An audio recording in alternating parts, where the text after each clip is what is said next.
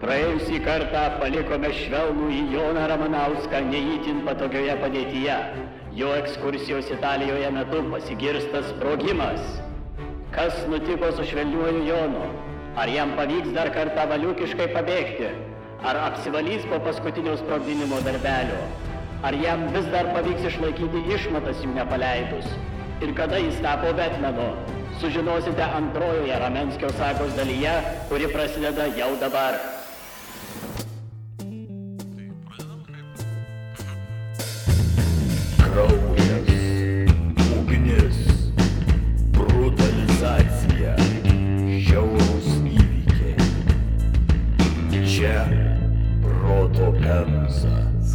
Lyg, lyg jis tas išmatas kažkur maišukė laiko. Gal italai laimėjo šiemet Euroviziją ir gal jie laimėjo a, šitą Europos futbolo čempionatą, bet šiandien kalbėsim apie kažką, ko jie A, nelaimėjo. tikrai taip. Nu kaip jau čia įvedį, klausyk. Sveiki gyvi. Čia Proto Pemza. Žinių seifų sprogdintojai, kurių modus operandi įtraukia istoriją su ferverkais ir plaktukais, ir režiukais ir kuo tik nori. Šiandien jums vėl jau įsislenda vietinių laukinių bizonų pavydo provokatorius Tomas. Ahoj, hoj. Nuo Urbis Vilnensis, bet tikrai ne nuo metalo muzikos žanro, nutolęs Aivaras. Chlo. Chlo. Chlo. Vilius. Labas. Ir aš pakankamai priprakaitavęs paprastasis povilas. Tai ačiū už antrą polai. Taigi pasisveikinam, buvai pristatytas. Tikrai niekas akmens nelaikys. Oi, ne, ne, ne. žaidėje. Tikrai, tikrai sekančiame epizode nebus to atsiminta. Shots fired. Tai kalbant apie istorijos su ferverkais, paskutinį kartą palikom Joną Ramanauską nugriaudėjus sprogimų Italijoje pakeliui į La Spezia miestelį, kur turėjo būti įvykdytas nacijų tvirtovės sabotažas. Šiaip tai šūdinos atostogos kol kas atrodo. Mm, ne ta Italija, kurios tikėjai, man atrodo. Aha. Kažkaip. Jonas jau būdamas komandosas, o komandosų skyrius ir buvo tam įkurtas kenkti Hitleriui, turbūt negalvojo, kad viskas bus paprasta, bet buvo turbūt dar sudėtingiau. Tai sprogimas, su kuriuo palikom jūs praeitą epizodą, driokstelėjo iškart po to, kai prieėjus skardį grupelė partizanų nuėjo į dešinę, o Jonas nuėjo į kairę. O tada, kaip kokiam tradiciniam tarpukario lietuvių lakūno lėktuve, pasigirdo sprogimas. Sprogimas ir vaitojimai, nes kažkiek partizanų buvo minos nutekšti į šonus. Aplink nuolatinė karo dalyvių ugnis, įtampa ir taip didžiulė, o čia dar ir mina, primena, kad misija prasideda netvykus į tikslą, o nuo pirmo žingsnio pakeliui į jį. Man gali šiek tiek e, atgaivinti e, atminti, Jonas šiuo metu yra Šiaurės Italijoje ir bando įsiveršti į bunkerius, ne? Wolfensteiną. Į Wolfensteiną, čia jo yra vagies karjeros pikas uh, civilių, ne, ne civilių, bet teisingame pasaulyje, nebe vagių, ne? Dabar jau jis herojus. Dabar jau jis herojus, ok. Taip. Jonas laimiai ir kažkokio atsitiktinumo dėka net nesusižeidė, o dalis partizanų liko padėti draugams, kol komandosai turėjo tiesiog juos palikti ir brauti stalin. Tai sprogimas ištaškė neblogą grupelę partizanų, Jonas kažkokiu būdu išnešė sveiką kailį. Pradėjo aušti. Užlipti ant kalno pasirodo buvo taip pat sunku kaip ir nulipti. Jie buvo pakankamai aukštai, kad būtų tarp sniego ir šiaip netai prasibrovė ir nusileidę nuo to kalno pasiekė bent kiek saugesnę vietą. Sprogimo metu buvo apgadinta dalis technikos, todėl dar likusiu sveiku radijum Ramenskis koduotai uženkriptintai pranešė, kad jiem reikia naujos aparatūros. Tada pasislėpė netoliese ir laukė, kol tą aparatūrą ir visus daiktus jiem pristatys. Man atrodo, kad jeigu tais karo metais jau būtų buvęs NordVPN, to būtų užtekęs saugiam ryšiui. VPN šifruoja internetu siunčiamus duomenis, taip neleisdamas pašaliniams žmonėms jie pasinaudoti. Tai puikiai būtų tikę Ramenskiui ir jo kuopai. Įsijungiam, opa, viskas užšifruota, o tavo modemas net nežino, kad žiūri ofisą per Netflixą. Pats taip darau ir kitiems tikrai rekomenduoju. Gali be baimės jungtis prie viešo Wi-Fi ir konfuzinti mūsų klausomumo statistiką iš bet kokios šalies. Su vienu akantu greičiausio pasaulyje VPN galėsi naudotis bent šešiais devaisais, o apsigalvojus per mėnesį atgauti pinigus. Tai puikus dealas, o čia dar geresnis. Jeigu apsilankysi nordvpn.com/protopemza, gausi papildomą dovaną ir didžiulę nuolaidą perkant dviejų metų planą. Tai nordvpn.com/protopemza, taip? Nu, nordvpn.com slash... nordvpn.com slash protopamza, ne? Ok. Tai va kaip mes gavom tus klausytojus iš Pietų Afrikos Respublikos. E, Jeigu norit mum praskaidrinti nuotaiką, tai įsigiję šitą nuostabų pasiūlymą, e, pabandykit prisiloginti prie kokios super random šalies, pavyzdžiui, Burundi. Burundžio. jo. Būkite mūsų pirmasis klausytojas iš Burundžio. Taip. Lietuvoje galima pažiūrėti The Office per Netflixą. Aha. Su NordVPN, taip. Wow. Matau mūsų pirmąjį pirkėją savo ekrane, man atrodo. Tomai, nordvpn.com slash protapėms būtinai. Tai Ramenskis visos technikos, ir aparatūros ir kitų siuntinių laukia dvi dienas. Niekas netėjo. Kaip užsisakinėti iš Amazono. Arba Lietuvos paštu tikriausiai siuntė jam šitą. Nieko jie nesulaukė ir tada iš grupės buvo išrinkti du komandosai. Ir jie buvo išrinkti grįžti ir perduoti žinutę, kokia yra situacija. Tai tie du veikėjai grįžo atgal, viskas pavyko, buvo pažadėta, kad lėktuvas atskris iki jų vietos, išmes krovinį su maistu ir dalykais, bet tą naktį atskridęs lėktuvas paskraidė ir dingo. Nežinia dėl ko, jis tiesiog išskrido. Maisto mažėjo ir nebuvo kitos išeities, kaip tik tai judėti į Laspeciją. Beidant į priekį, Ramenskis buvo šokiruotas miestelio, kuris nacijų buvo sudegintas ir nušluotas, keršijant už partizanų nužudytą vokiečių kareivį. Jono atminty tai paliko tamsę tamsę rakštį. Kitame miestelėje, Vinca, partizanai užmušė du vokiečius, todėl nacijų keršto planas buvo dar žiauresnis. Jie atvyko į miestelį ir iš lovų ar tėvų rankų surinkę visas 14-20 metų amžiaus merginas, jas tiesiog nušovė. Žuvo apie 120 merginų to miestelio. Komandosai labai trukdė Hitleriui, kaip ir turėjo. Kompanija surinkta kenkti ir, kaip iš ankstesnių epizodų gal pamenate terminą pesetskinti nacijų techniką, personalą ir progresą, baisiai nepatiko Šikelgriuberiui ir komandosų lavonai buvo verti bonus taškų. Todėl okupuotose teritorijose dėvėti žalią beretę buvo tas pats, kas prastos reputacijos bare būtų uh, dėvėti žalią beretę. Komandosai kenkė Hitleriui ir Adolfas, aišku, niršo. Todėl įsakau, nuo šio momento visi priešai dalyvaujantys taip vadinamosiuose komandosų misijose Europoje ar Afrikoje, kurie priešinasi Vokietijos kariams, dėvi bet kokią uniformą, yra ginkluoti arba ne, kovoje ar besitraukiantys, turi visi iki vieno būti nugalabyti. Iš tono galima suprasti, kaip puikiai buvo sudėti komandos mokymai ir kaip puikiai jie praėjo ir kaip puikiai tas žinios buvo pritaikytos kenkti Hitleriui. Dar vienas pasiekimas Ramenskio CV labai didelis, sakyčiau, nes jeigu tu esi tas, kuris taip nervuoja Hitlerį, kad jisai pat, at, atskirai tau atėjęs duoda įsaką, ką su tavim daryti, tai reiškia kažką darai gerai gyvenime, man atrodo. Palindo paskūra jau čia labiau negalėjo. Aha. Priartėjus prie Laspecija miestelio, komandosų ir italų partizanų jungtiniai grupeliai pavyko atkurti radio ryšį, kurį buvo smarkiai apgadinęs mūsų praeitą epizodą užbaigęs sprogimas. Labai trūko tokių dalykų kaip visko, todėl iš karto buvo išsiustas žinutės sąjungininkams, kad meskite iš lėktuvo viską, ko reikia ir kuo greičiau. Netoliese ant plynaukštės jo ekscelencija Dučia Benito norėjo statyti aerodromą, o tai buvo puikia vieta užkurti signaliniams laužams. Jono grupelė susitiko su kitu komandosų būriu, a, visi sušalę, pavargę, nevalgę ir turbūt jau sutraumuoti fiziškai ir psichologiškai. Tai po laužų užkūrimo atskridusi lėktuvą ir išmestą siuntinį visą tą situaciją pavadinau Redneko stebuklu, nes iš dangaus leidosi siuntinys su, kaip rašoma, maistu ir gėrimais, ginklais ir šaudmenimis, cigaretėmis ir pinigais. Galvau, sakysi pusėserė. Priminsiu, kokia buvo pagrindinė misija - susprogdinti didžiulius ginklus. Kad suprastume ginklų dydį beje ir jėgą, tai... Įsiminkim tavo mamą.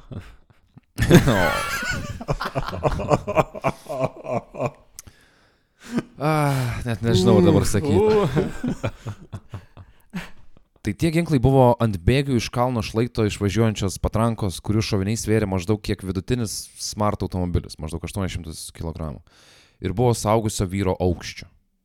Misija buvo įvykdyta sėkmingai. Su komandosų pagalba buvo bombarduotas tos nelemtas patrankos ir karas gavo dar vieną pastumėjimą link tokios karo baigties, kuri šiuo metu neverčia šio podcast'o įrašinėti vokiškai.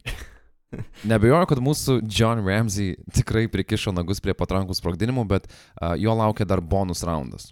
Pakeliui į Laspeciją, komandosai stebėjo, kaip sąjungininkai subombardavo Sarcaną miestelį, kuriame buvo sugriauti beveik visi strateginiai taikiniai. Sakau beveik visi, nes kažkokiu būdu buvo nesugriautas vienas pastatas prieš užtabą su keliais šimtais fašistų. Italų partizanai paprašė komandosų nušluoti tą pastatą nuo žemės paviršiaus. Jonui atsirado darbo. Susirinkęs visas detalės apie pastatą, Jonas sugalvojo tokį planą.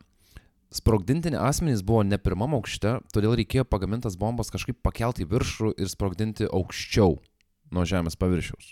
Nacijai galvojo, kad aukščiau jie saugus, bet Jonas iš patirties suprato, kad aukštai, turintys langus iš daugiau negu vienos pastato pusės, yra silpniausia vieta ir ten reikėtų sprogdinti.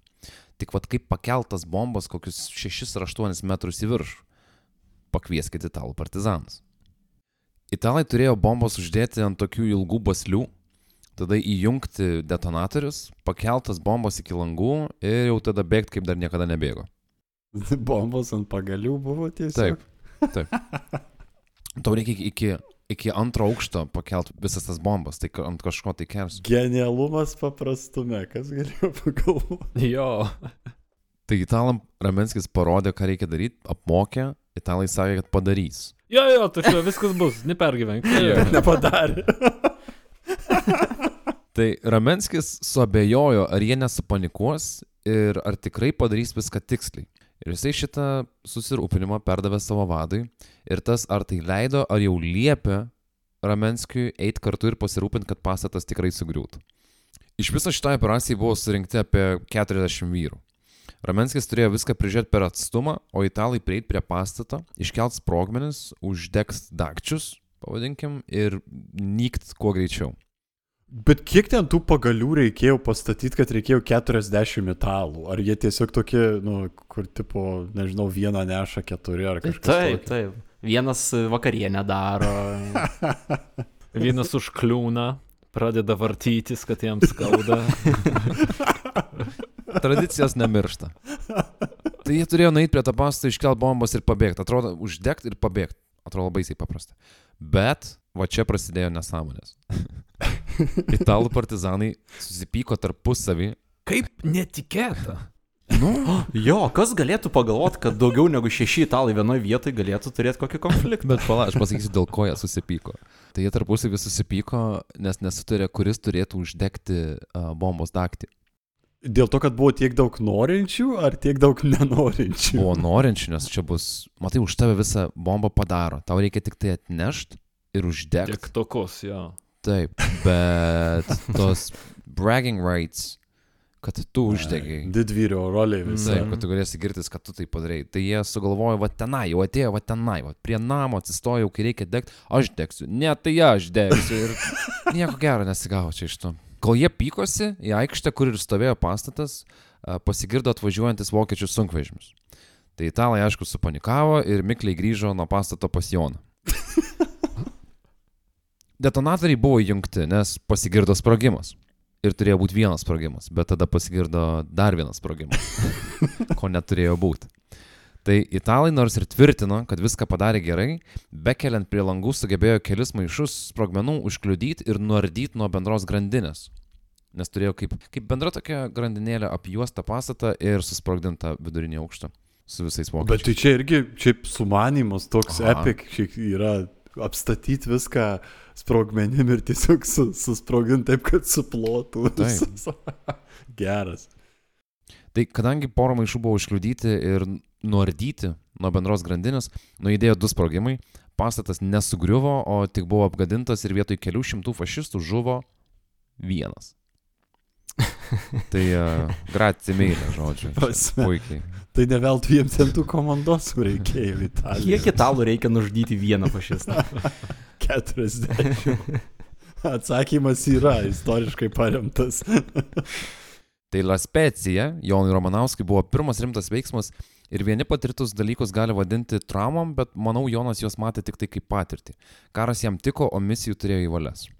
Ramenskis dalyvavo Romos išlaisvinime ir turėjo ką veikti, apžiūrint, apkraustant ir detonuojant, išminuojant Vokietijos ambasadą Romoje.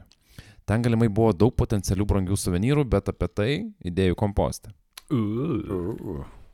Nėra šimtų procentų patvirtinta kaip, bet rašoma, kad Ramenskis net buvo pasiustas į misiją į Carnhillą. Tai buvo Hermano Gioringo, Hitlerio dešiniosios rankos rezidencija. Ten jisai turėjo tyliai įsliukinti ir be žvalgybinės informacijos dar sakoma, kad spėjo nusikabinti kelis suvenyrus nuo sienų. Eik, Ramenskis nuo Geringo, Gioringo sienos. Taip pat teigiama, kad Jonas buvo mėtomas iš vienos komandos grupės į kitą ir vieną kartą atsidūrė Šiaurės Afrikoje. Ten, Sidirafa mieste, jis susprogdino seifą priklaususį dykumų lapai, Ervinui Romeliui, vienam iš svarbiausių antro pasaulinio karo vokiečių generolų. Dokumentai gauti iš šio žygio labai prisidėjo prie sąjungininkų progreso kovojant su nacijais. Wow, ta prasme. Wow. Nice. Čia labai geras faktoidas. Bėgant laikui Ramanauskas parodė, ko yra vertas savo srityje. Būdavo situacijos, kai reikdavo susprogdinti traukinį ir jo bėgius. Bet nacijai įsigudrino išvengti didelių nuostolių, nes pirmus kelis vagonus palikdavo tuščius ir po sprogimo išsistumdavo netokį jau apgadintą sąstatą kitur. Tai Jonas sugalvojo tokį mechanizmą, kuris veikia kaip uždėlsto veikimo bomba ir jau greitai tai buvo išbandyta. Rašoma, kad vagonai nemažai pakilo orą. Visas Ramenskio darbas buvo pakankamai slaptintas ir pasiekti tikslias detalės yra beveik neįmanoma. Viename laiške iš Škotiją Ramenskis rašė, koks jaudinantis yra komandoso darbas ir atspėjo, kad karas eina į pabaigą. Keliari metai slaptų misijų, kurios iki dabar nėra išslaptintos. Seifų sprogdinimai, laužimai, atrakinėjimai, diversijos ir tyrios vagystės. Naujas vardas, senos žinios, nematyti kraštai, girdėti sprogimai - visą tai Jonui greitai teko pavadinti buvusiu etapu, nes karas baigėsi ir jis buvo perkeltas į Liubeką, Vokietijos šiaurėje. Ir šiaip įdomu, jeigu misijos, tarkim, kai kurios nėra išslaptos iki dabar, tai gali tik tai pasvajot, kokie dalykai buvo vagiami iš kokių seifų, kas dar dabar būtų aktualu, jeigu pasirodytų, kad tai na, yra kažkokia vokta informacija. Aha. Man atrodo, tam tikri meno kūriniai, kurie galbūt net ir Jo. geriausių tautų Respublika mena. Ja. Dalis Švedijoje, dalis pačiu- Maskvoje, dalis pas vokiečius. Ir pas Ramenskį kabo porą egzempliorių. Iš tualeto. Iš vidinės toleto pusės ant durų, žinai, kaip plakatas barakė. Antrojo pasaulinio karo išdraskytas Europos valstybių sienas pradėjo skalauti migrantai, o Jono lingvistinės žinios buvo panaudotos suvaldant po karinį lietuvių migracijos pliūpsnį. Iš dešimčių tūkstančių pasiekusių vakarus Ramenskis padėjo tikrai ne vienam. Paskutiniais metais kariuomenėje jis dirbo vyresniojo pareigūno padėjėju, dar vadinamu uh, kariu tarnu, bet anglų kalboje šių pareigų pavadinimas yra Aivarai. Batmanas? Taip, Rimtai. taip, jis vadinasi Batman. Tai John Ramensky buvo oficialiai Batmanas. Taip. Ir šiaip kontekstui Batmanai arba Batmanų atitikmenys būdavo ir Vokietijoje, ir Indijoje, ir, ir Rusijoje. Ir tarp funkcijų, kurias Batmanai turėjo daryti, tai būti to oficieriaus arba to kapitono arba to pareigūno bėgiku, pavyzdžiui, perduoti to kapitono kokio nors įsakymus subordinuotiems pareigūnams, prižiūrėti uniformą, vairuoti to pareigūno mašiną. A, Man labiausiai patikęs buvo tai, kad a, jisai, kol pareigūnas, pavyzdžiui, vadovauja būriui karo veiksmų metu, jisai turėdavo kasti apkasus tam pareigūnui. Tai kol pareigūnas vadovauja, jisai turi kasti duobę realiai. Skamba kaip Lil Bitch, ne? Man labiau primena Robiną šiaip jo pareigos, nei Batmaną. Vėlgi, Lil Bitch. Iš to, ką Paulai tu beje sakai, kažkaip neatrodo, kad Ramenskiai tos pareigos būtų tokios ta vieta, kuris norėtų likti, ne? Prie Kur širdies. gaut, o, pa, va, čia, va čia aš noriu būti, čia, nu, vat noriu uh, kas gravius, noriu lyginti eilutę. Apatinių savo jo, jo. pareigūno. Matai, tai, ką Aivaras išvardino, nebūtinai viską tą ir turėjo daryti, tas soldier servant, kaip angliškai ir vadinamas jisai. Tai aišku, tai buvo truputį nuopolis žemyn nuo viso veiksmo. Bet, ei, uh, Ramanauskas vis tiek liko kariuomeniai dar, jis nenorėjo tikrai namo, ką grįžus veikti. Uh, Į kalėjimą. Ten, kur Nu. pažįsti viską geriausiai. taip. tai Jonas karo pabaigoje tiesiog prabuvo Batmanu ir... Kiek, kiek taip, kaip niekur nieko pasakai, ai, nu tai vad karo pabaigoje Batmanų Ir pabaigoje. čia downgrade'as yra čiuvakai. taip. Jis jau buvo kalėjimo beglys, influenceris, tada avansavo iki komandoso ir nuo komandoso, žinok, labai mažai vietų, kur dar galėjo pakilti. Ir Batmanas buvo dar, dar, bet o kas tada? Tai galim tik spėlioti, kiek šitų pareigybių reikėjo Jonui padaryti, bet hey, jis liko kariuomeniai ir karo pabaigoje Robertas Leikokas, čia tas Lucky Leikok, kuris ir priėmė Ramenskį į komandosus, parašė jam laiškelį. Dear Batman. Brangus Ramsey, tegu tavo narsi tarnyba karaliui ir karalystė ateityje būna apdovanota taika, klėstėjimu ir laime. Gražus norai, kuriems nežinia ar buvo lemta išsipildyti. Komandoso darbo jaudulys nublanko kartu su karo pabaiga ir a, Jonas Westlandas, kuris įgrūdo Ramenskį kariuomenę, pasiūlė jam tapti pareigūnu ir dirbti darai. Bet spėkit, ką pasakė Jonas. Ne. Tai Westlandas buvo nustebęs, kad komandosas atsisakė tokios naujo gyvenimo pradžios galimybės. Bet Jonui tai buvo jau toks kaip ir praėjęs etapas. Žalioji beretė atliko, kabutėse, savo darbą ir laikas pajudėti. Tik kad judesys buvo ne į priekį, o atgal prie to, ką Gentle Johnny mokėjo geriausiai. Sprogdinti šalytuvus. Kabėt ant turniko. Tvarkyti e, vietas. Tvarkytis, taip. Įsivaizduoju tą įmonę, kurią jis atidaro UK, kuri vadinasi Batman Housekeeping. Ramenskis atrodo susidraugavo su institucijų, kuriuose sėdėdavo personalu. Atrodo, kad kalėjimas jį prisijaukindavo ir Jonas matė tai kaip didelę dalį savo gyvenimo. Ir net nelaiko prasme. Besėtint Barlanį kalėjime, jis kalėdų progą personalui siūsdavo atvirukus į Peterhead kalėjimą, kuriame buvo praleidęs labai daug laiko. Nors kita vertus ne visas jo ten praleistas laikas buvo puikus. Tai rodo, koks pamirštantis ir atleidžiantis Jonas buvo. Pavyzdžiui, kartą Ramenskis sužinojo, kad jį Glasgė ilgus metus gaudęs detektyvas sunkiai serga ir guli ligonį. Ir Ramenskis paprašė per kitus asmenis perduoti tam detektyvui žinutę. Linkiu kuo greičiau pasveikti ir detektyvę, bijau, kad persistengėte ir per daug pavargote gaudydamas mane po visą Glasgą. Ir jis čia net nėra toks pašaipus, jis tiesiog... A ne, nes skamba Ne, kaip disas biški. Biški pavargai mane gaudams, a ne? Kamo, čia jau kaip perskaitysi, bet vėliau, kai Jonas išėjo, buvo jau išėjęs į laisvę, a, vienas pareigūnas sutiko Ramenskį gatvėje ir Jonas priejo prie jo, paspaudė ranką ir padėkojo, kad pareigūnai gražiai elgėsi su jo žmona. Pareigūnas pusbalsiu paklausė, ar jis laisvėje oficialiai. O čia hmm, atostogos ar darbas. Tai nedaug dievės sužinos, kad šnekėjau, pabėgęs paskui. Nu, bet įsivaizduoju tą apsidairimą iš šonos, o... Taip, o dabar turėčiau tave gaudyti? Jo, jo, taip. Tai Jonas patikino, kad be abejo, kad oficialiai, ką aš manau būtų sakęs vienu arba kitu atveju, Būtent. nes negalėjai žinoti. Tai karo pabaigoje net, Ramenskis netgi Westlandui rašė laiškus, kaip jam patiko ir koks yra dėkingas už tokį gyvenimo etapą, nes Westlandas ir buvo tas, kuris pasirūpino, kad Ramenskis atsirastų kariuomeniai ir būtų kare. Westlandas čia yra visiškas e, komisaras Gordonas. Jo, jo. Beje, beje, Gordonas buvo žalioji beretė Batmane e, komikse. O, kaip viskas susiję. Atsimenu, Ramenskis buvo sulaukęs darbo pasiūlymo iš Westlando. Tai kai jo sulaukė, Ramenskis buvo nustebintas.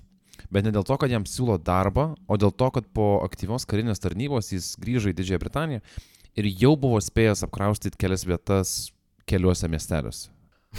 tai jis mane, kad detektyvas Westlandas nori jį apklausti dėl tų vagysčių, bet vietoj to darbo pasiūlymas. Darbo pokalbis tokis.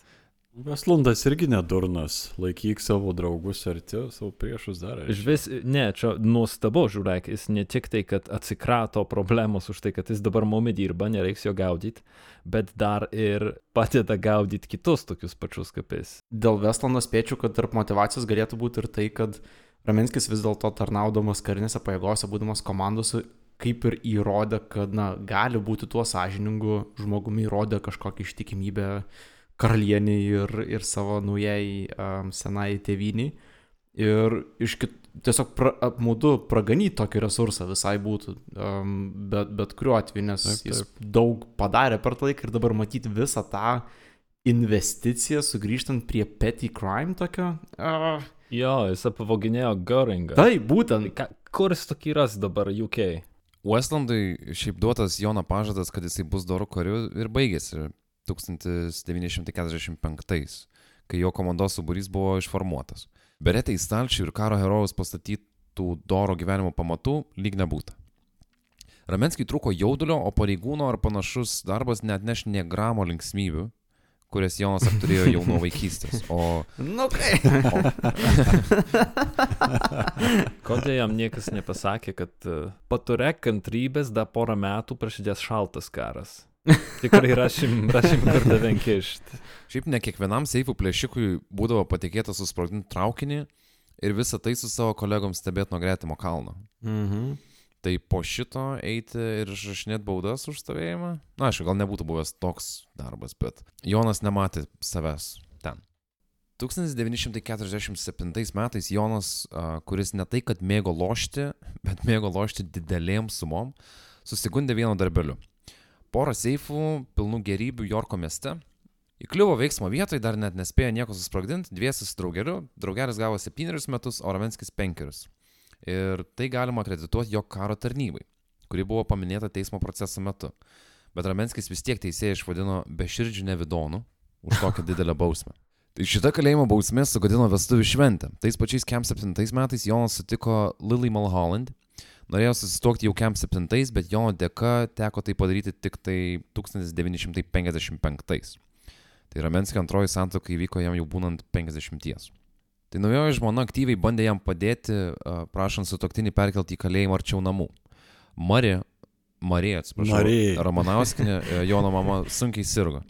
Tai su jie Jonas galėjo matytis ir dažniau, bet vat, eilinį kartą jo nusikaltimuose trūko pabėgimo strategijos.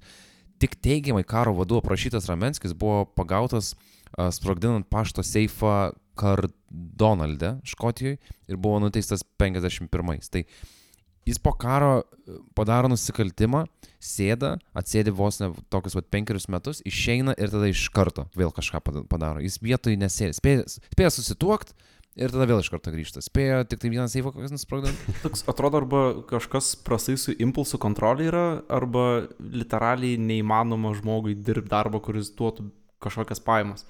Tuo prasme, turi vieną specifinį skillą ir jį moki panaudoti iki up to a point, ne? Bet su metais matomai vis praščiau ir praščiau sekasi šitą įgyvendinti.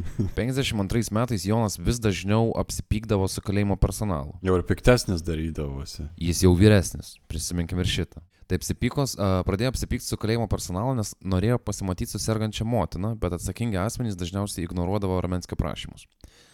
Daugam atrodė, kad toks vat karo didvyris nenusipelno kažkokio gailėšio, nes labai greitai jisai grįžo prie savo tų nešvarių darbelių. Vieną naktį Jonai trūko kantrybė. Arba jau buvo tiek nuobodu, kad net nesiginčijo su mintim, kad a, reikia šutint iš tos kalėjimo kameros ir varyti aplankyti mamos. Kaip išlindo per grotas, turbūt žinojo tik pats Ramenskis, bet jis savo gultę sudėjo daiktus taip, kad atrodydavo, kad jis vis dar tenai guli ir prižiūrėtojams nekildavo įtarimas, o Jonas laimėdavo pakankamai daug laiko savo pabėgimui. Išlipęs iš kameros nusileido ant stagelio, o tada sieną žemyn, per kiemą e, perbėgo ir liko tik tai aukšta kalėjimo tvara, kurią įveikė visiškai be vargo. Primink, kiek jie metų yra šiuo metu. Kem 7. Uf, Geroj formai buvo. Jo. Labai gerai. kad pralystum pro grotas, reikia tikrai gerai formai būti, negana to ten. O. Olegas Gasmanovas. Rimtai geresnio pasiruošimo tokiam dalykui aš neįsivaizduoju, jis ne tik tai Jo. Buvo e, spec, specų šitos srities konkrečiai, kaip lipt įveikt pastatus ir kalnus specialistų išmokytas ir vėliau visą tą praktikavęs ne kur kitur, o fucking antro pasaulinio karo metu. Ir jie galvojo, kad, e, prasme, kodės buvo tiesiog paprastoj kamerai, kodės nebuvo kaip kokis Hannibalas Lekteris, e, vežimuko su kauke ir surakytas kaip hudinis. Buvo, kaip praeitam epizodė šnekėjom, bet jo reputacija jam padėjo ir tas grandinės visas nukirto nuo jo. Bet čia feilas ir iš institucinės sistemos toks vaizdas, nes tu turi tokių sugebėjimų žmogų, kuris tiesiog, nu čia toks atrodo žiauriai išvaistyta, Patį, pat, Mhm. patys Britai prarado daug galimybių, daug pavokti ir daug išsprogdinti visko. Perlipęs sieną, Jonas pavogė mergaitišką dviratį, nežinau, kodėl tai buvo pabrėžta knygoje, bet Pusiai. nežinau, aš galvau, gal kalėjimo personalas nebeturėjo kaip jam įgelti ir toks, nu, bet va, dviratis mergaitiškas buvo. O, Jėzus. Vėliau Jonas metė pirmąjį dviratį, pasiskolino kitą, bet paryčiais jį atpažino sunkvežimio vairuotojas. Ir Jonas buvo sugautas tame pačiame rajone kaip ir pirmąjį kartą prieš 18 metų. Tik šį kartą laisvėje prabuvo beveik a, lygiai dvi paras. Mamos aplankyti nepavyko. Laikrašiai klikė, kad Ramenskis vienintelis, kuris iš Peterhead kalėjimo pabėgo du kartus. Išėjęs iš kalėjimo Jonas nesugebėjo pasukti doros keliu, arba nenorėjo, arba abu. 1955 metais jo akį patraukė netoli namų esantis automobilių serviso garažas. Vieta tiesiog prašėsi būti apvagiama. Kaip vieta turi atrodyti, kad ji prašosi būti apvogiama. Atidarytos duris, atidarytas uh, seifas. Taip įsivaizduoju, Ramenskis visas prakaitas, mano, per kaktą. Šiurai. Pati vieta buvo labai tinkama vagystė. Gatvė už garažą buvo tyli ir vis laiką tuščia. Šalia buvo parkas, kuriame naktį nieko nebuvo, o priešais nedideli namai. Ten jokio veiksmo nebuvo. Išsirinkęs nusikaltimo datą, Jonas atvyko prie garažo ir pateko į pastatą pro langą. Belipant sudužo stiklas ir netoliese buvusią namo gyventoją iškvietė policiją. Bet koks kitas įsilaužėlis turbūt būtų pabėgęs, bet Jonas buvo pasiryžęs išsprogdintą seifą. Gal sakysi pradėti tvarkyti šukės, ta prasme. O dieve, kiek šukė. Atvažiavo policija ir du pareigūnai įėjo į pastato vidų, lietai slinko per patalpos ieškodami įsibrovelio. Kai Ramenskis buvo aptiktas, vienas iš pareigūnų jam vožė per galvą su ta policininko lasda. Wow. Įsibrovelis sulaikytas buvo be jokių incidentų, išskyrus tą vieną smūgį, dėl kurio Ramenskio ego buvo gan smarkiai įžeistas. Spaudoje beje parašius, kad Ramenskiui net reikėjo kelių siūlių po pareigūno smūgio, pareigūnas susilaukė nemažai gruzo iš visos bendruomenės. Teisme Jonas šovė gan jausmingą kalbą. Griežtam teisėjui papasakojo apie vaikystės, kalėjimo, karo sunkumus, kaip jis niekada nebepasirodys teisme, jeigu jam tik tai bus duota proga ir kaip jis tai kenčia. Jo, ir tuo pačiu priverčia kentėti savo žmoną naująją. ir- A, nu, viskas blogai, žodžiu. Mat, matomai iš italų išmoko ir vaidybos. Galėjau dar parkristi irgi kaip skauda. Tam teisme jisai papasakojo e, ir kaip jisai parašė ilgus memoarus, bet kalėjimo vadovybė juos iš jo atėmė ir pažadėjo sunaikinti. Todėl jisai praradęs pinigus, kurie jį gražintų į normalų gyvenimą ir kad jaučiasi apgautas sistemos. Ramenskis norėjo vėl panaudoti savo sunkaus gyvenimo ir pavyzdingos karo tarnybos kozerius, bet teisėjai pasirodė, kad tos kortos jau išnaudotos ir jis Ramenskį nuteisė dabar jau dešimčiai metų. Išgirdus verdiktą, Lilai, e, jo antroji žmona, apsiverkė, o išėjus iš teismo pastato iš vis sukniubo. Ramenskis dėl to labai pergyveno, nes jam atrodė, kad nuosprendis ir toks likimas yra labai neteisingas. Tik vad kaip jisai su ta neteisybė kovojo, yra nelabai teisinga. Po šešių metų tradicijos apsuko ratą aplink rajoną ir vėl grįžo. 1958 m. sausį, tai čia treji metai iš dešimties atsidėti, Ramenskis ir vėl pabėgo iš Peterhead kalėjimo. Iš kalėjimo, kuris šiaip yra škotiškas Alcatrasas. Bet šitas pabėgimas buvo truputį kitoks. Iš teigiamų naujovių, tai Jonas gavo progą panaudoti kopečius. Nereikėjo taip sunkiai kabarotis 10 m sieną. O, Tai visgi ne jaunuolis, jau Taip. irgi. jo, jo. Vyresnis žmogus, ja. Iš neigiamų naujovių, tai persekiojantysis personalas pirmą kartą pasitelkė šunis. Uf. Ir šiaip jau Škotijos teisėsaugai darėsi baisiai nemalonu, kad jų nesugebėjimas Ramenskį išlaikyti užrakintą tapo savotišku nacionaliniu bairiu. Baruose žmonės juokdavosi, kad jeigu prižiūrėtojo paklaustum, ar Ramenskis šiuo metu kalėjime, tai jiem tektų nueiti ir pažiūrėti. Tai, bet wow, aš esu stulbęs, nes jis dabar šituo momentu tapo memu. Nu taip. Ir kažkokia prasme man šitas netgi pramuša Batmaną. Sakyčiau, kad jis memo buvo jau tada, kai konsteblis jo gatvėje klausė, ar jis yra oficialiai šiuo metu uh, va vaikščiojantis gatvėmis. Nu jo. Tas konste... Aš atsiprašau, bet to konsteblio istoriją turėjau tik po grįžtų namo pa žmoną. Ar tu žinai, ką sutikau šiandien? Ir tu žinai, visą vakarą galvoja, o kas jis buvo laisvas, ne iš tikrųjų. Norėčiau ją veidą Net- išraišką pamatyti tuo metu, kai prisistato. Naktį nemiegojęs visą nueina ryte klausiau, tai jis buvo paleistas, ar ne? Jis vis save kažkaip topina, jis save pramuša. Nes rimtai po, po komandoso ir Batmano jis tampa tokiu meta vos neveikėjų, kažkum, kas peržengia gal netgi laiko ribas, nes jis jau legenda. Šitoj vietoj, žiūrėkit, Ramanausko seniai nėra, Mhm. bet mes vis dar apie jį šnekam. Jisai peržengė transcendenciją tiesiog, klausyk. Fikcija ir realybė viename, nes ta visa jo istorija yra ant, ant tiek bonkers, čia net yra sunku ras žodį, uh, ir tokia low-key kartais bonkers, uh, kad nėra pripažinta, bet tu net nesupranti, čia yra tas, tas atvejis, kur fikcija ir realybė yra absoliučiai susijungę. Tai yra vaikščiojantis komiksų personažas, kitaip nepavadinsi. Reikia komikso, fucking reikia komikso apie Ramenskį. Jau yra, man atrodo, uh, Adventures of Batman, ne? Nėra.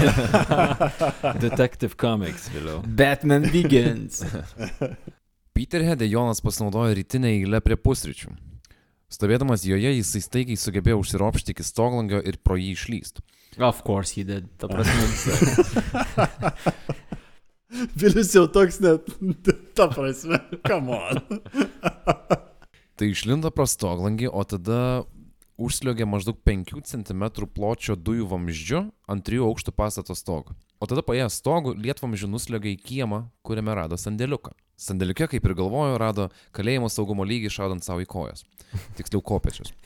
Kopečius pasistatė ant dėžės ir sugebėjo ant visos tos drebančios konstrukcijos užlipti, užsikabinti už sienos ir tada jau netaip ir sunkiai perlipti tą 10 m aukščio sieną.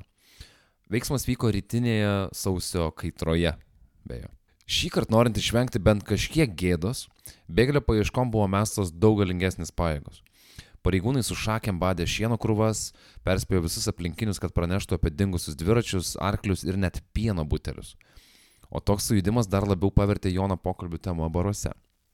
O Jonas, peršakęs tvorą, nubėgo tolyn, bet jo nelaimiai jį pastebėjo keturi viskio daryklos darbuotojai ir nusekė paskui. Bet galų galiai jį pametė. Laisvėj Jonas išbuvo iki kitos dienos, kai buvo atpažintas einantis gatve, dėvintis prižiūrėtojų rūbus, kuriuos pasiskolino iš to paties sandėliuko, kur rado kopečius. Pasirodo, kad naktį jisai praleido ant Peterheado miestelio mokyklos stogo, gulėjo ir stebėjo, kaip visi jo ieško. Tai jau Jonas sąskaitė yra trys pabėgimai iš kalėjimo. Ketvirtą kartą Ramenskis pasišalino iš kalėjimo tų pačių metų, tai yra 58 spalį. Vieną penktadienio vakarą, o laisvai prabuvo iki sekmadienio. Ir tai sugebėjo pabėgti tik tai kelius šimtus metrų nuo kaliūzės. Septynmetis David Smith gyveno savo tėvo fermoje Peterheade ir tą rytą su fermos pagalbininku George Henderson atvarė prie šieno. Berniukas pastebėjo, kad šienas kažkoks išvartytas ir netvarkingas. Įlipo į šieno krūvą ir surekė. Čiagi Ramenskis. Ramenskis buvo jau toks žinomas, kad jį lengvai atpažino net septynmetis sekmadienį šieno krūvoj. Džordžas Hendersonas liepė berniukui nubėgti pakviesti tėvą, kol jis liko su Ramenskiu. Davidai, nešk fotoaparatą. Ir pakviesk mamą. Stok! Tik norėjom pasakyti ačiū, kad klausai protopemzos. Kiekvienas laikas, prenumerata ar pasidalinimas su draugais mūsų pasakojimas istorijas neša tolyn kaip Ramenskis Kudašių iš kalėjimo. O jeigu turi galimybę paremti mus Patreonė, pažadame tas lėšas protingai paskirstyti pasiruošimui reikalingiams resursams, papildomam turiniui ir seifų sprogdinimo kursams. Ačiū tau. Hendersonas beje buvo vienas iš viskio daryklos darbuotojų, kuris matė Ramenskio trečiąjį pabėgimą. Kaip vėliau pasakojo Hendersonas, tai Ramenskis atrodė labai prastai. Susenęs ir sunykęs, viena koja apibintuota ir krūvina matėsi, kad yra sušalęs ir suvargęs. Ramenskis nesileido į kalbas, nenorėjo pasiduoti ir tiesiog pradėjo eiti tolyn. Hendersonas, aišku, ėjo kartu, bet vaizdas buvo liūdnas. Toliau paėjus keliu jau laukė policija, kuris sulaikė šitą serijinį pabėgiką, nuvežė į kalėjimą, perengė ir davė šilto maisto prieš pridedant dar laiko prie ir taip jau užsitęsusios bausmės. Tai čia yra 1958 ir jis jau du kartus tais pačiais metais iš to paties kalėjimo pabėgo. Atrodo, kad Ramenskį jau pasivijo sunkus metai Gorbals rajone, įvairiuose kalėjimuose ir kare, nes 53 jis jau atrodė jau, jau kaip pats sprogdinęs savo ir jau atpabėgęs. 1958 Kalėdos. Trečias kartas nemeluoja, turbūt pasakė 58-ieji Ramenskiui ir netaip jau smarkiai ir pamelavo. Ramenskis Goes Christmas. Christmas special. jo, Christmas special. Musiclinis gyvenimo etapas. Jo. Šiaip nėra detalių, kaip tiksliai jis pabėgo. Vėliau Ramenskis nebuvo labai kalbus šitą temą, bet dingęs iš kalėjimo laisvai sugebėjo išbūti net 9 dienas. Wow, čia ilgiausiai tikriausiai, ne? Mušė rekordą.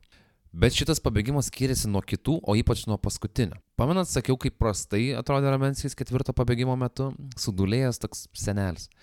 Tai šį kartą interakcijų su žmonėmis metu jis buvo švariai nusiskutęs, švariais džinsais, pavalgęs ir atrodantis kaip labai gerai palsėjęs vyras. Tai iškilo klausimas, kas jam padėjo? Žmona? Pats Ramenskis klausimas šypsojosi ir sakė, kad pasiliks šitą istoriją memoarams. Buvo kelta įvairių teorijų nuo neįtikimų, kad pabėgusi Ramenskį paėmė prie kalėjimo kranto atplaukęs povandeninis laivas, iki labiausiai realios, kad jam padėjo vietinio komisaro padėjėjas. Vienaip ir kitaip, kaip pabėgo, ką veikė tas devynias dienas ir su kuo buvo, Peterheado policija turbūt kolektyviai daužė galvas į sieną, suprasdami, kokia pašaipų lavina laukia vietiniuose baruose, kad jie taip nesugeba susitvarkyti su vienu fucking jonu. Devintąją laisvės dieną Ramenskis vaikštinėjo po tas pačias apylinkės, kur buvo pagautas dviejose buvusiose savo pabėgimo finaluose. Vaikštinėjo aplinkui jisai, kol einant į keliu pastebėjo sunkvežimio vairuotojas.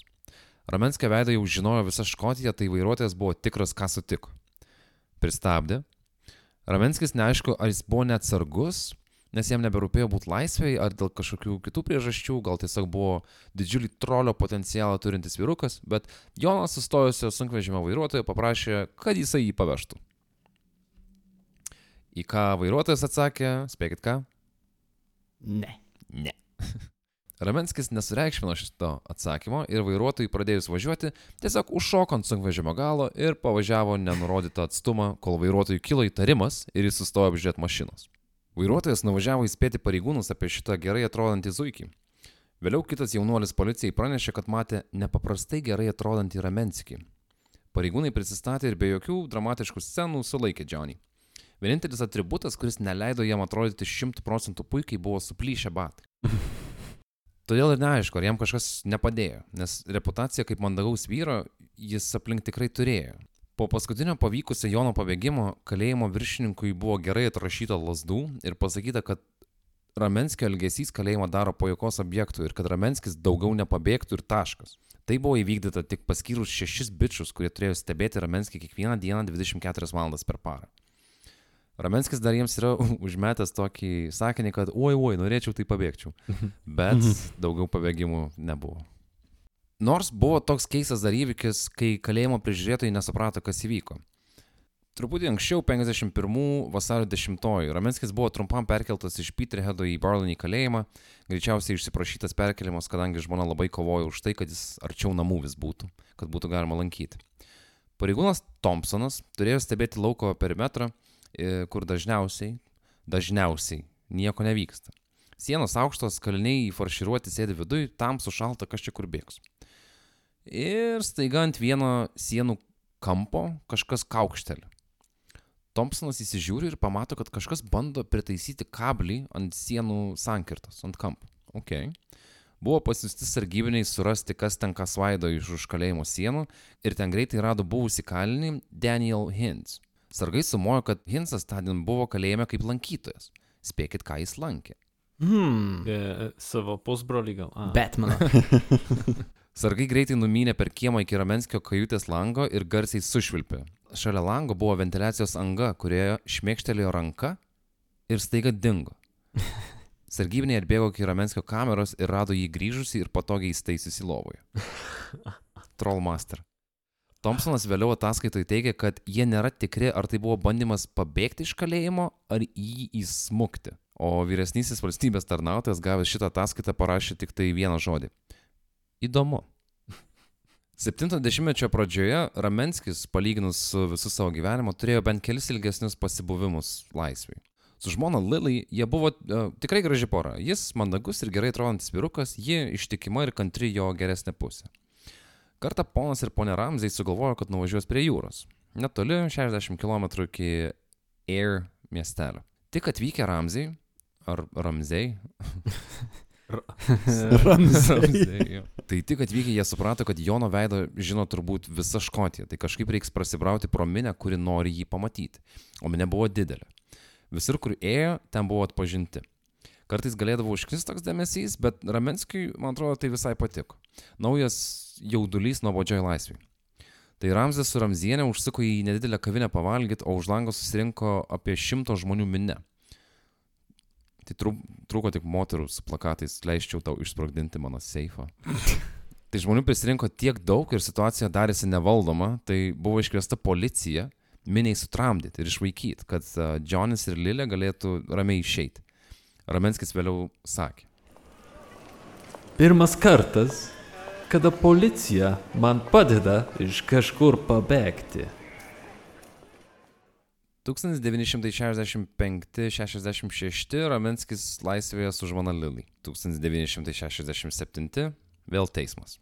Jonas nepripažįsta įsilaužęs į National Commercial Bank Main Street, Rutherglene, kur buvo pavogti 252 poundai, tai maždaug 4,5 tūkstančio eurų.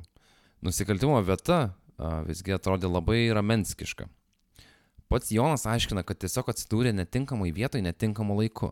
Eidamas iš sesers namų į autobusą, jis tiesiog ieškojo tualeto, bet jį išgazino pareigūnas, pradėjo jį vytis, jie kažkaip netyčia susimušė ir dabar kažkodėl jis čia teismas dėl plėšimo.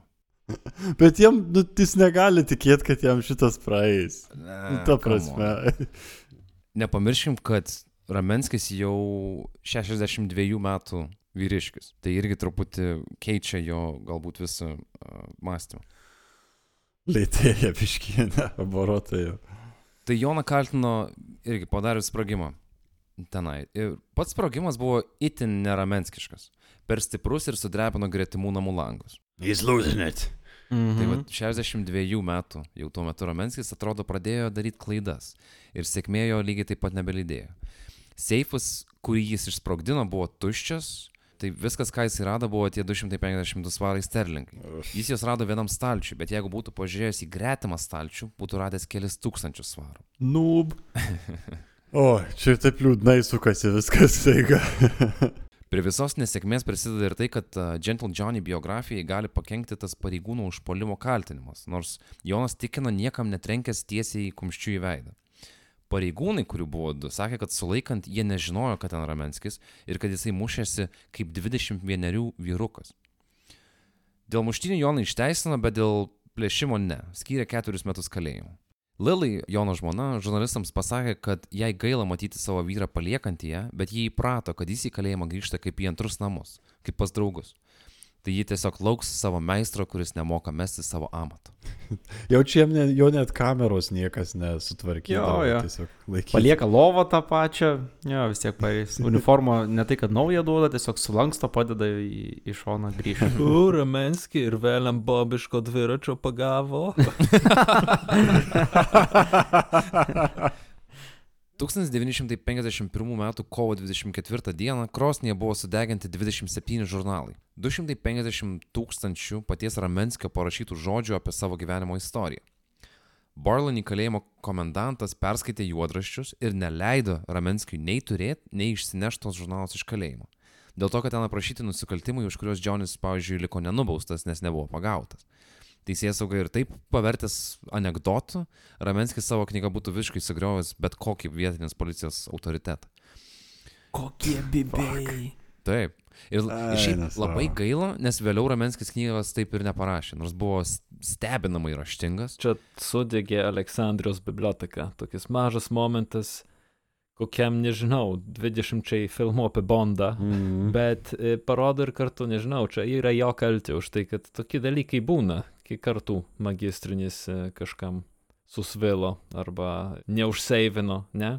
Viktoras Franklas, kiek jis du kartus rašė tą pačią knygą, būdamas konclagerį. Konslagerį. Sugalvojo, jau šitas yra ant Ramenskio. Tai knyga liko neparašyta dar kartą, nors vienas žurnalistas iš pasaulio naujienų jam parašė laišką su pasiūlymu padėti parašyti knygą. Ramenskis kartais bendraudavo su spaudos atstovais, pavyzdžiui, vieną kartą, kai reikėjo lėšų jo ir Lilai vestuvėm, tai tiesiog paprašė, kad žurnalistai sumokėtų ir jie sumokėjo.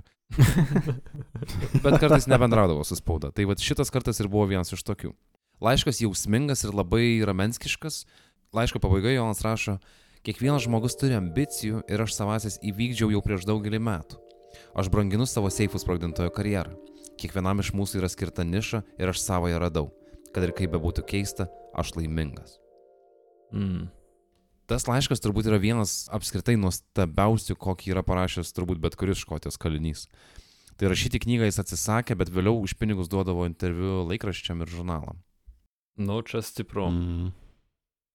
Nu, jisai iš esmės pasako, jeigu aš gerai supratau, viskas, ką jis darė iki šiol, buvo tiesiog jo paskirtis, jis tokį zen visišką flow rado, jam nerūpėjo nei pinigai, nerūpėjo tas, A. tas kažin ar jam būtų įžymiau, iš vis rūpėjo, jam rūpėjo sprogdyti seifus, rizikuoti savo gyvybę. Ir čia jisai matė savo kaip tokį purpose, ar ne? Kaip tas robotas, kur sviestą Jo. padavinėja. Paskirtis gyvenimo, jo. 1967 m. teismas paskyrė Ramenskiui ketverius metus kalėjimo. Žmogui, kuris nusikalstamam pasauliui ir gaujomis garsiame mieste niekada nebuvo gangsteris. Į gyvenimo pabaigą Johnny sunkiai sekėsi susitvarkyti su faktu, kad jis sensta, kad nebėra toks vikrus, kad vis sušika reikalus ir negali būti su žmona Lily. Jo sveikata suprastėjo, o kad nepasirodytų dar maža, tai 1968 m. žiemą praūžusi audra, galima sakyti, sunaikino jos namą. Jaiks. Bausmė po bausmės ponui ir poniai Ramzams.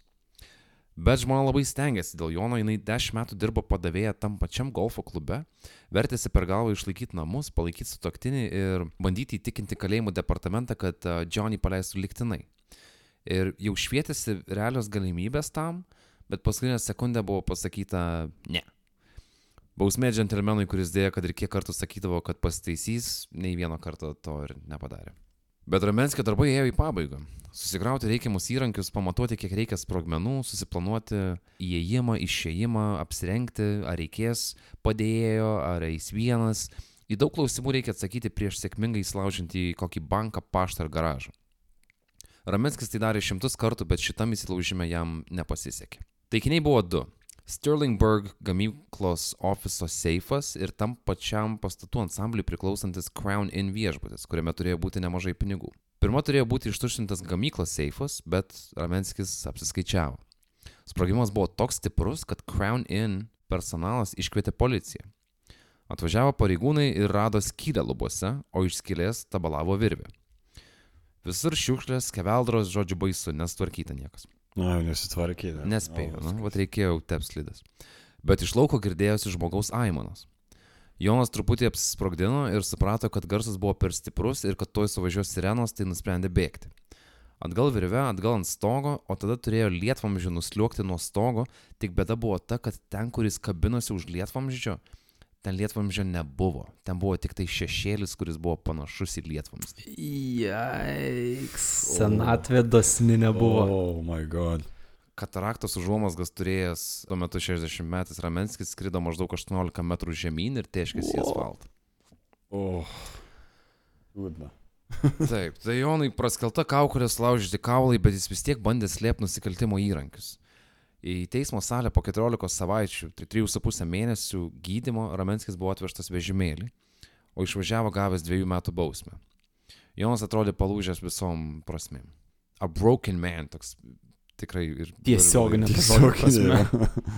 Išėjus iš kalėjimo viskas tik dar pablogėjo. Lilai pavargo ir Jonas paskutinius savo mėnesius laisvėje praleido pas sesę Agnes. 1972 metais Air mieste, kur kažkada su Lilai buvo nustebinti gerbėjų skaičiaus, Johnny Ramensky buvo suimtas paskutinį kartą. Jis buvo rastas ant parduotuvės stogo, net nespėjęs niekur įsilaužti. Metai už grotą Perth kalėjime 67 metų Ramenskiui. Perth kalėjimas buvo baisus ir niūrus. Pastatytas dar Napoleono karų metu prancūzų karo belaisvėms laikyti ir Ramenskiui paveikti savo dienas. 72 lapkritį Ramenskis kalėjime patyrė insultą ir nuvežtas į ligoninę tyliai, kaip ir beveik visose savo įsilaužimuose, mirė. Aš tai gal būčiau susprogdinęs, nežinau, kaip a, jūs. Jo, jo, išeitų su ugnimi geriau negu, negu Šiaip a, laidotuvėse dalyvavo tiek pat šeimos narių ir draugų, kiek ir policijos pareigūnų. Ramanauskų vaikis, kuriam vaikystė ir paauglystė negailėjo išbandymų, pravardžių, nepripažinimo, sunkumų, užaugo į pagaliau visuomenės mėgstamą, gerbiamą, žalia berete spėjusi pasipuošti patriotą. Tai kad ir labai anksti neteisingų kelių nuėjo, Jonas Ramanauskas, ar Johnny Ramenski, ar Gentle Johnny, kaip nori tai vadinkit, bet jis tikrai buvo ypatinga, manau, 20-ojo amžiaus asmenybė. Jo, čia kalibras yra ne tik Lietuvos mastu, čia yra kalibras Jo, jo. pasaulio mastu. Tai prasme gyvenimo tokio nugyventai, kad ir kaip jam nepasisekė su, su tom kryptim, kurias jis pasirinko, bet čia yra... Pff, Bet čia yra tikras menas, ar ne?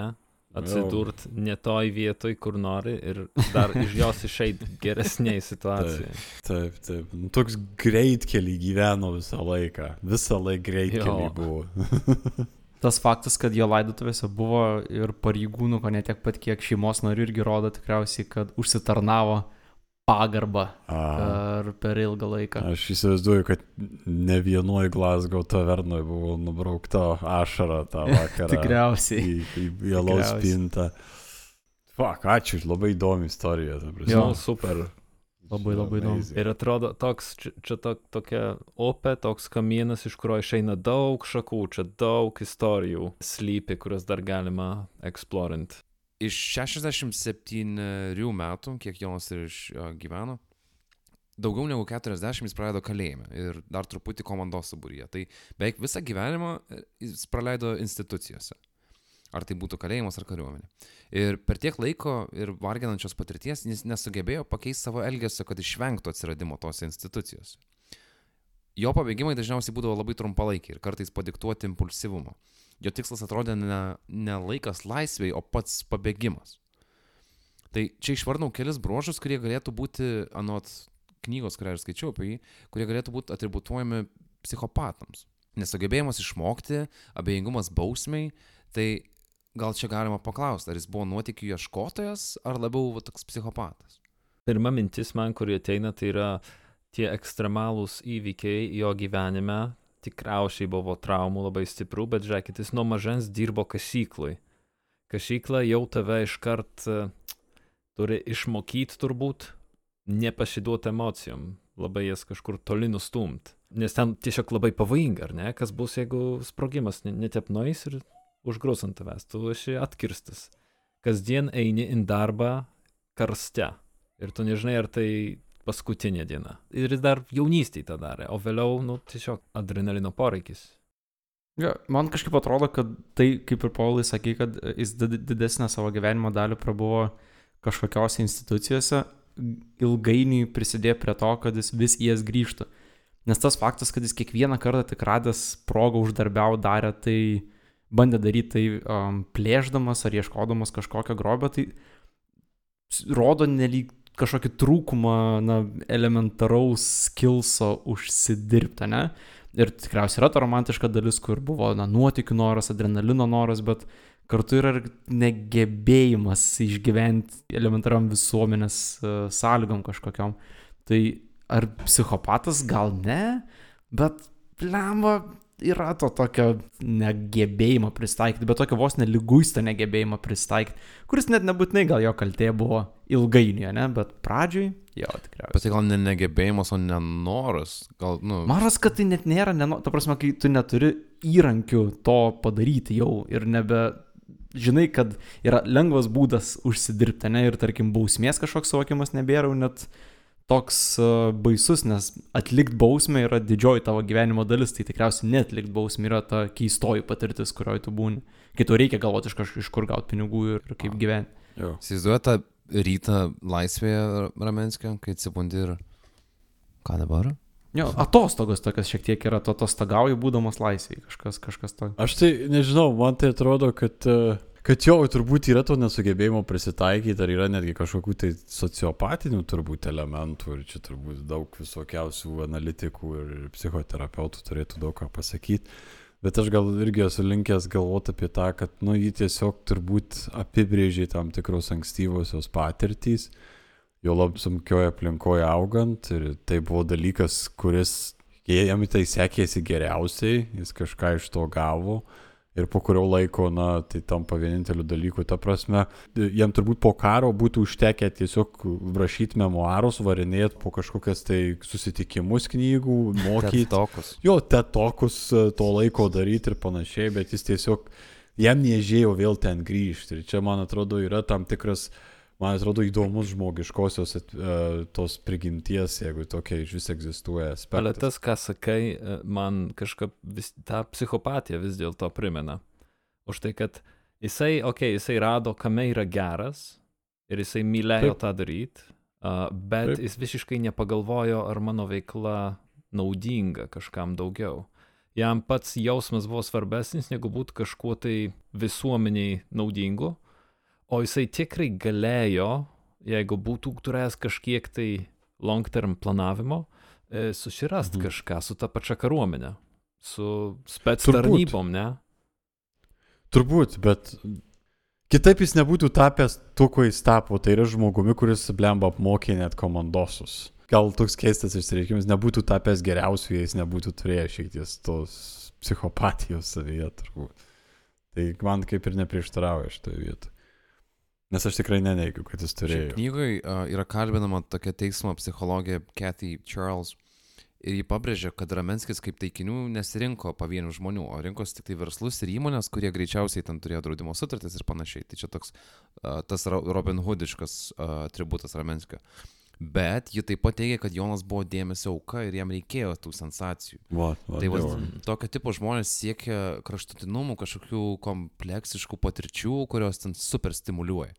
Tai vieniems tai gali būti, kaip ir sakėt, tai gali būti šaknėjimas parašiutu, ekstremalus sportas, o kitiems spontaniškas muštynių sukelimas ar sunkių narkotikų vartojimas, kažkas, kažkas tokio. Bet paprastas gyvenimas, aš manau, niekada nebūtų stimuliavęs Ramenskį tiek, kad jisai atsisakytų ieškoto jaudulio ir jaudulys pats jį surasdavo. Todėl jisai laisvai ir loždavo, pavyzdžiui, didelėms sumom, jas praloždavo, tada darydavo įsilaužimus. Ir savo 1955 uh, metų teismo jausmingoje kalboje jisai ir kaltino šunų lenktynės, kad pralošė ten daug pinigų ir supykęs sugalvojo įsilaužti, pasiskolinti truputį pinigų. Tai vad tie trumpalaikiai virpuliai, dėl kurių jisai lipdavo per langus ir kimždavo seifus, pinas pilnas sprogmenų, vis atvesdavo prie ilgalaikių kančių ir kalties. Bet per mažos kalties turbūt, kad nustotų jisai tų virpulių ieškoti. Tai Ramenskis visą laiką matė uh, nusikalstamą veiklą kaip žaidimą ir pripažindavo pralaimėjus.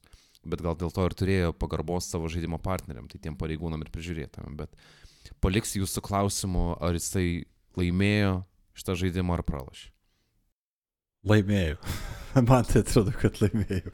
Man tai atrodo, kad uh, mes visi ir klausytojai laimėjo. Aha, Čia labai, labai geras epizodas, Pavlai. jei. Bravo, Cool. ačiū. Ačiū. Vienaip ir kitaip, Ramenskio istorija tikrai uh, verta dėmesio, tai paklausykit dar kelis kartus, man atrodo, šitus abu du epizodus. Paklausykit tai. Eikit skaityti Taip, knygų. eikit skaityti knygos, tikrai. O kai perskaitysit knygą, parašykit ir mums, ačiū, kad mums rašot, beje, ir žinutės, ir e-mailus, visokių dalykų gaunam labai smagu. Tai turbūt renkamės daiktus ir pakuojamės. Ačiū, kad klausot. Ačiū, kad Taip, klausot, gerbimieji. Ačiū. Ačiū. Viso.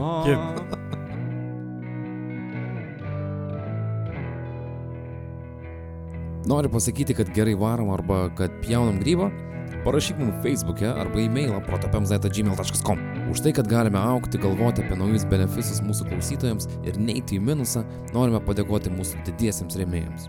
Elenai D, Audriui M, Šarūnui S, Anastasijai B, Sandrai K, Sergijui, Mildai Č, Dariai P, Kamiliai M, Raimondui Ž, Mindagui K, Marijui Ž, Giedriui S, Gvidui, Simui B, Mariui V, Tomui M, Gabrieliui S, Kazimierui, Viteniui, Vytautui D, Rasai, Karliui P, Kestučiui B, Aistei V, Jurgitai Z, Benui P, Mindogui V, Simui D, Tomui B, Karliui T, Gedriai B, Arvidui K, Rokui M, Gedriui N ir Kristinai T.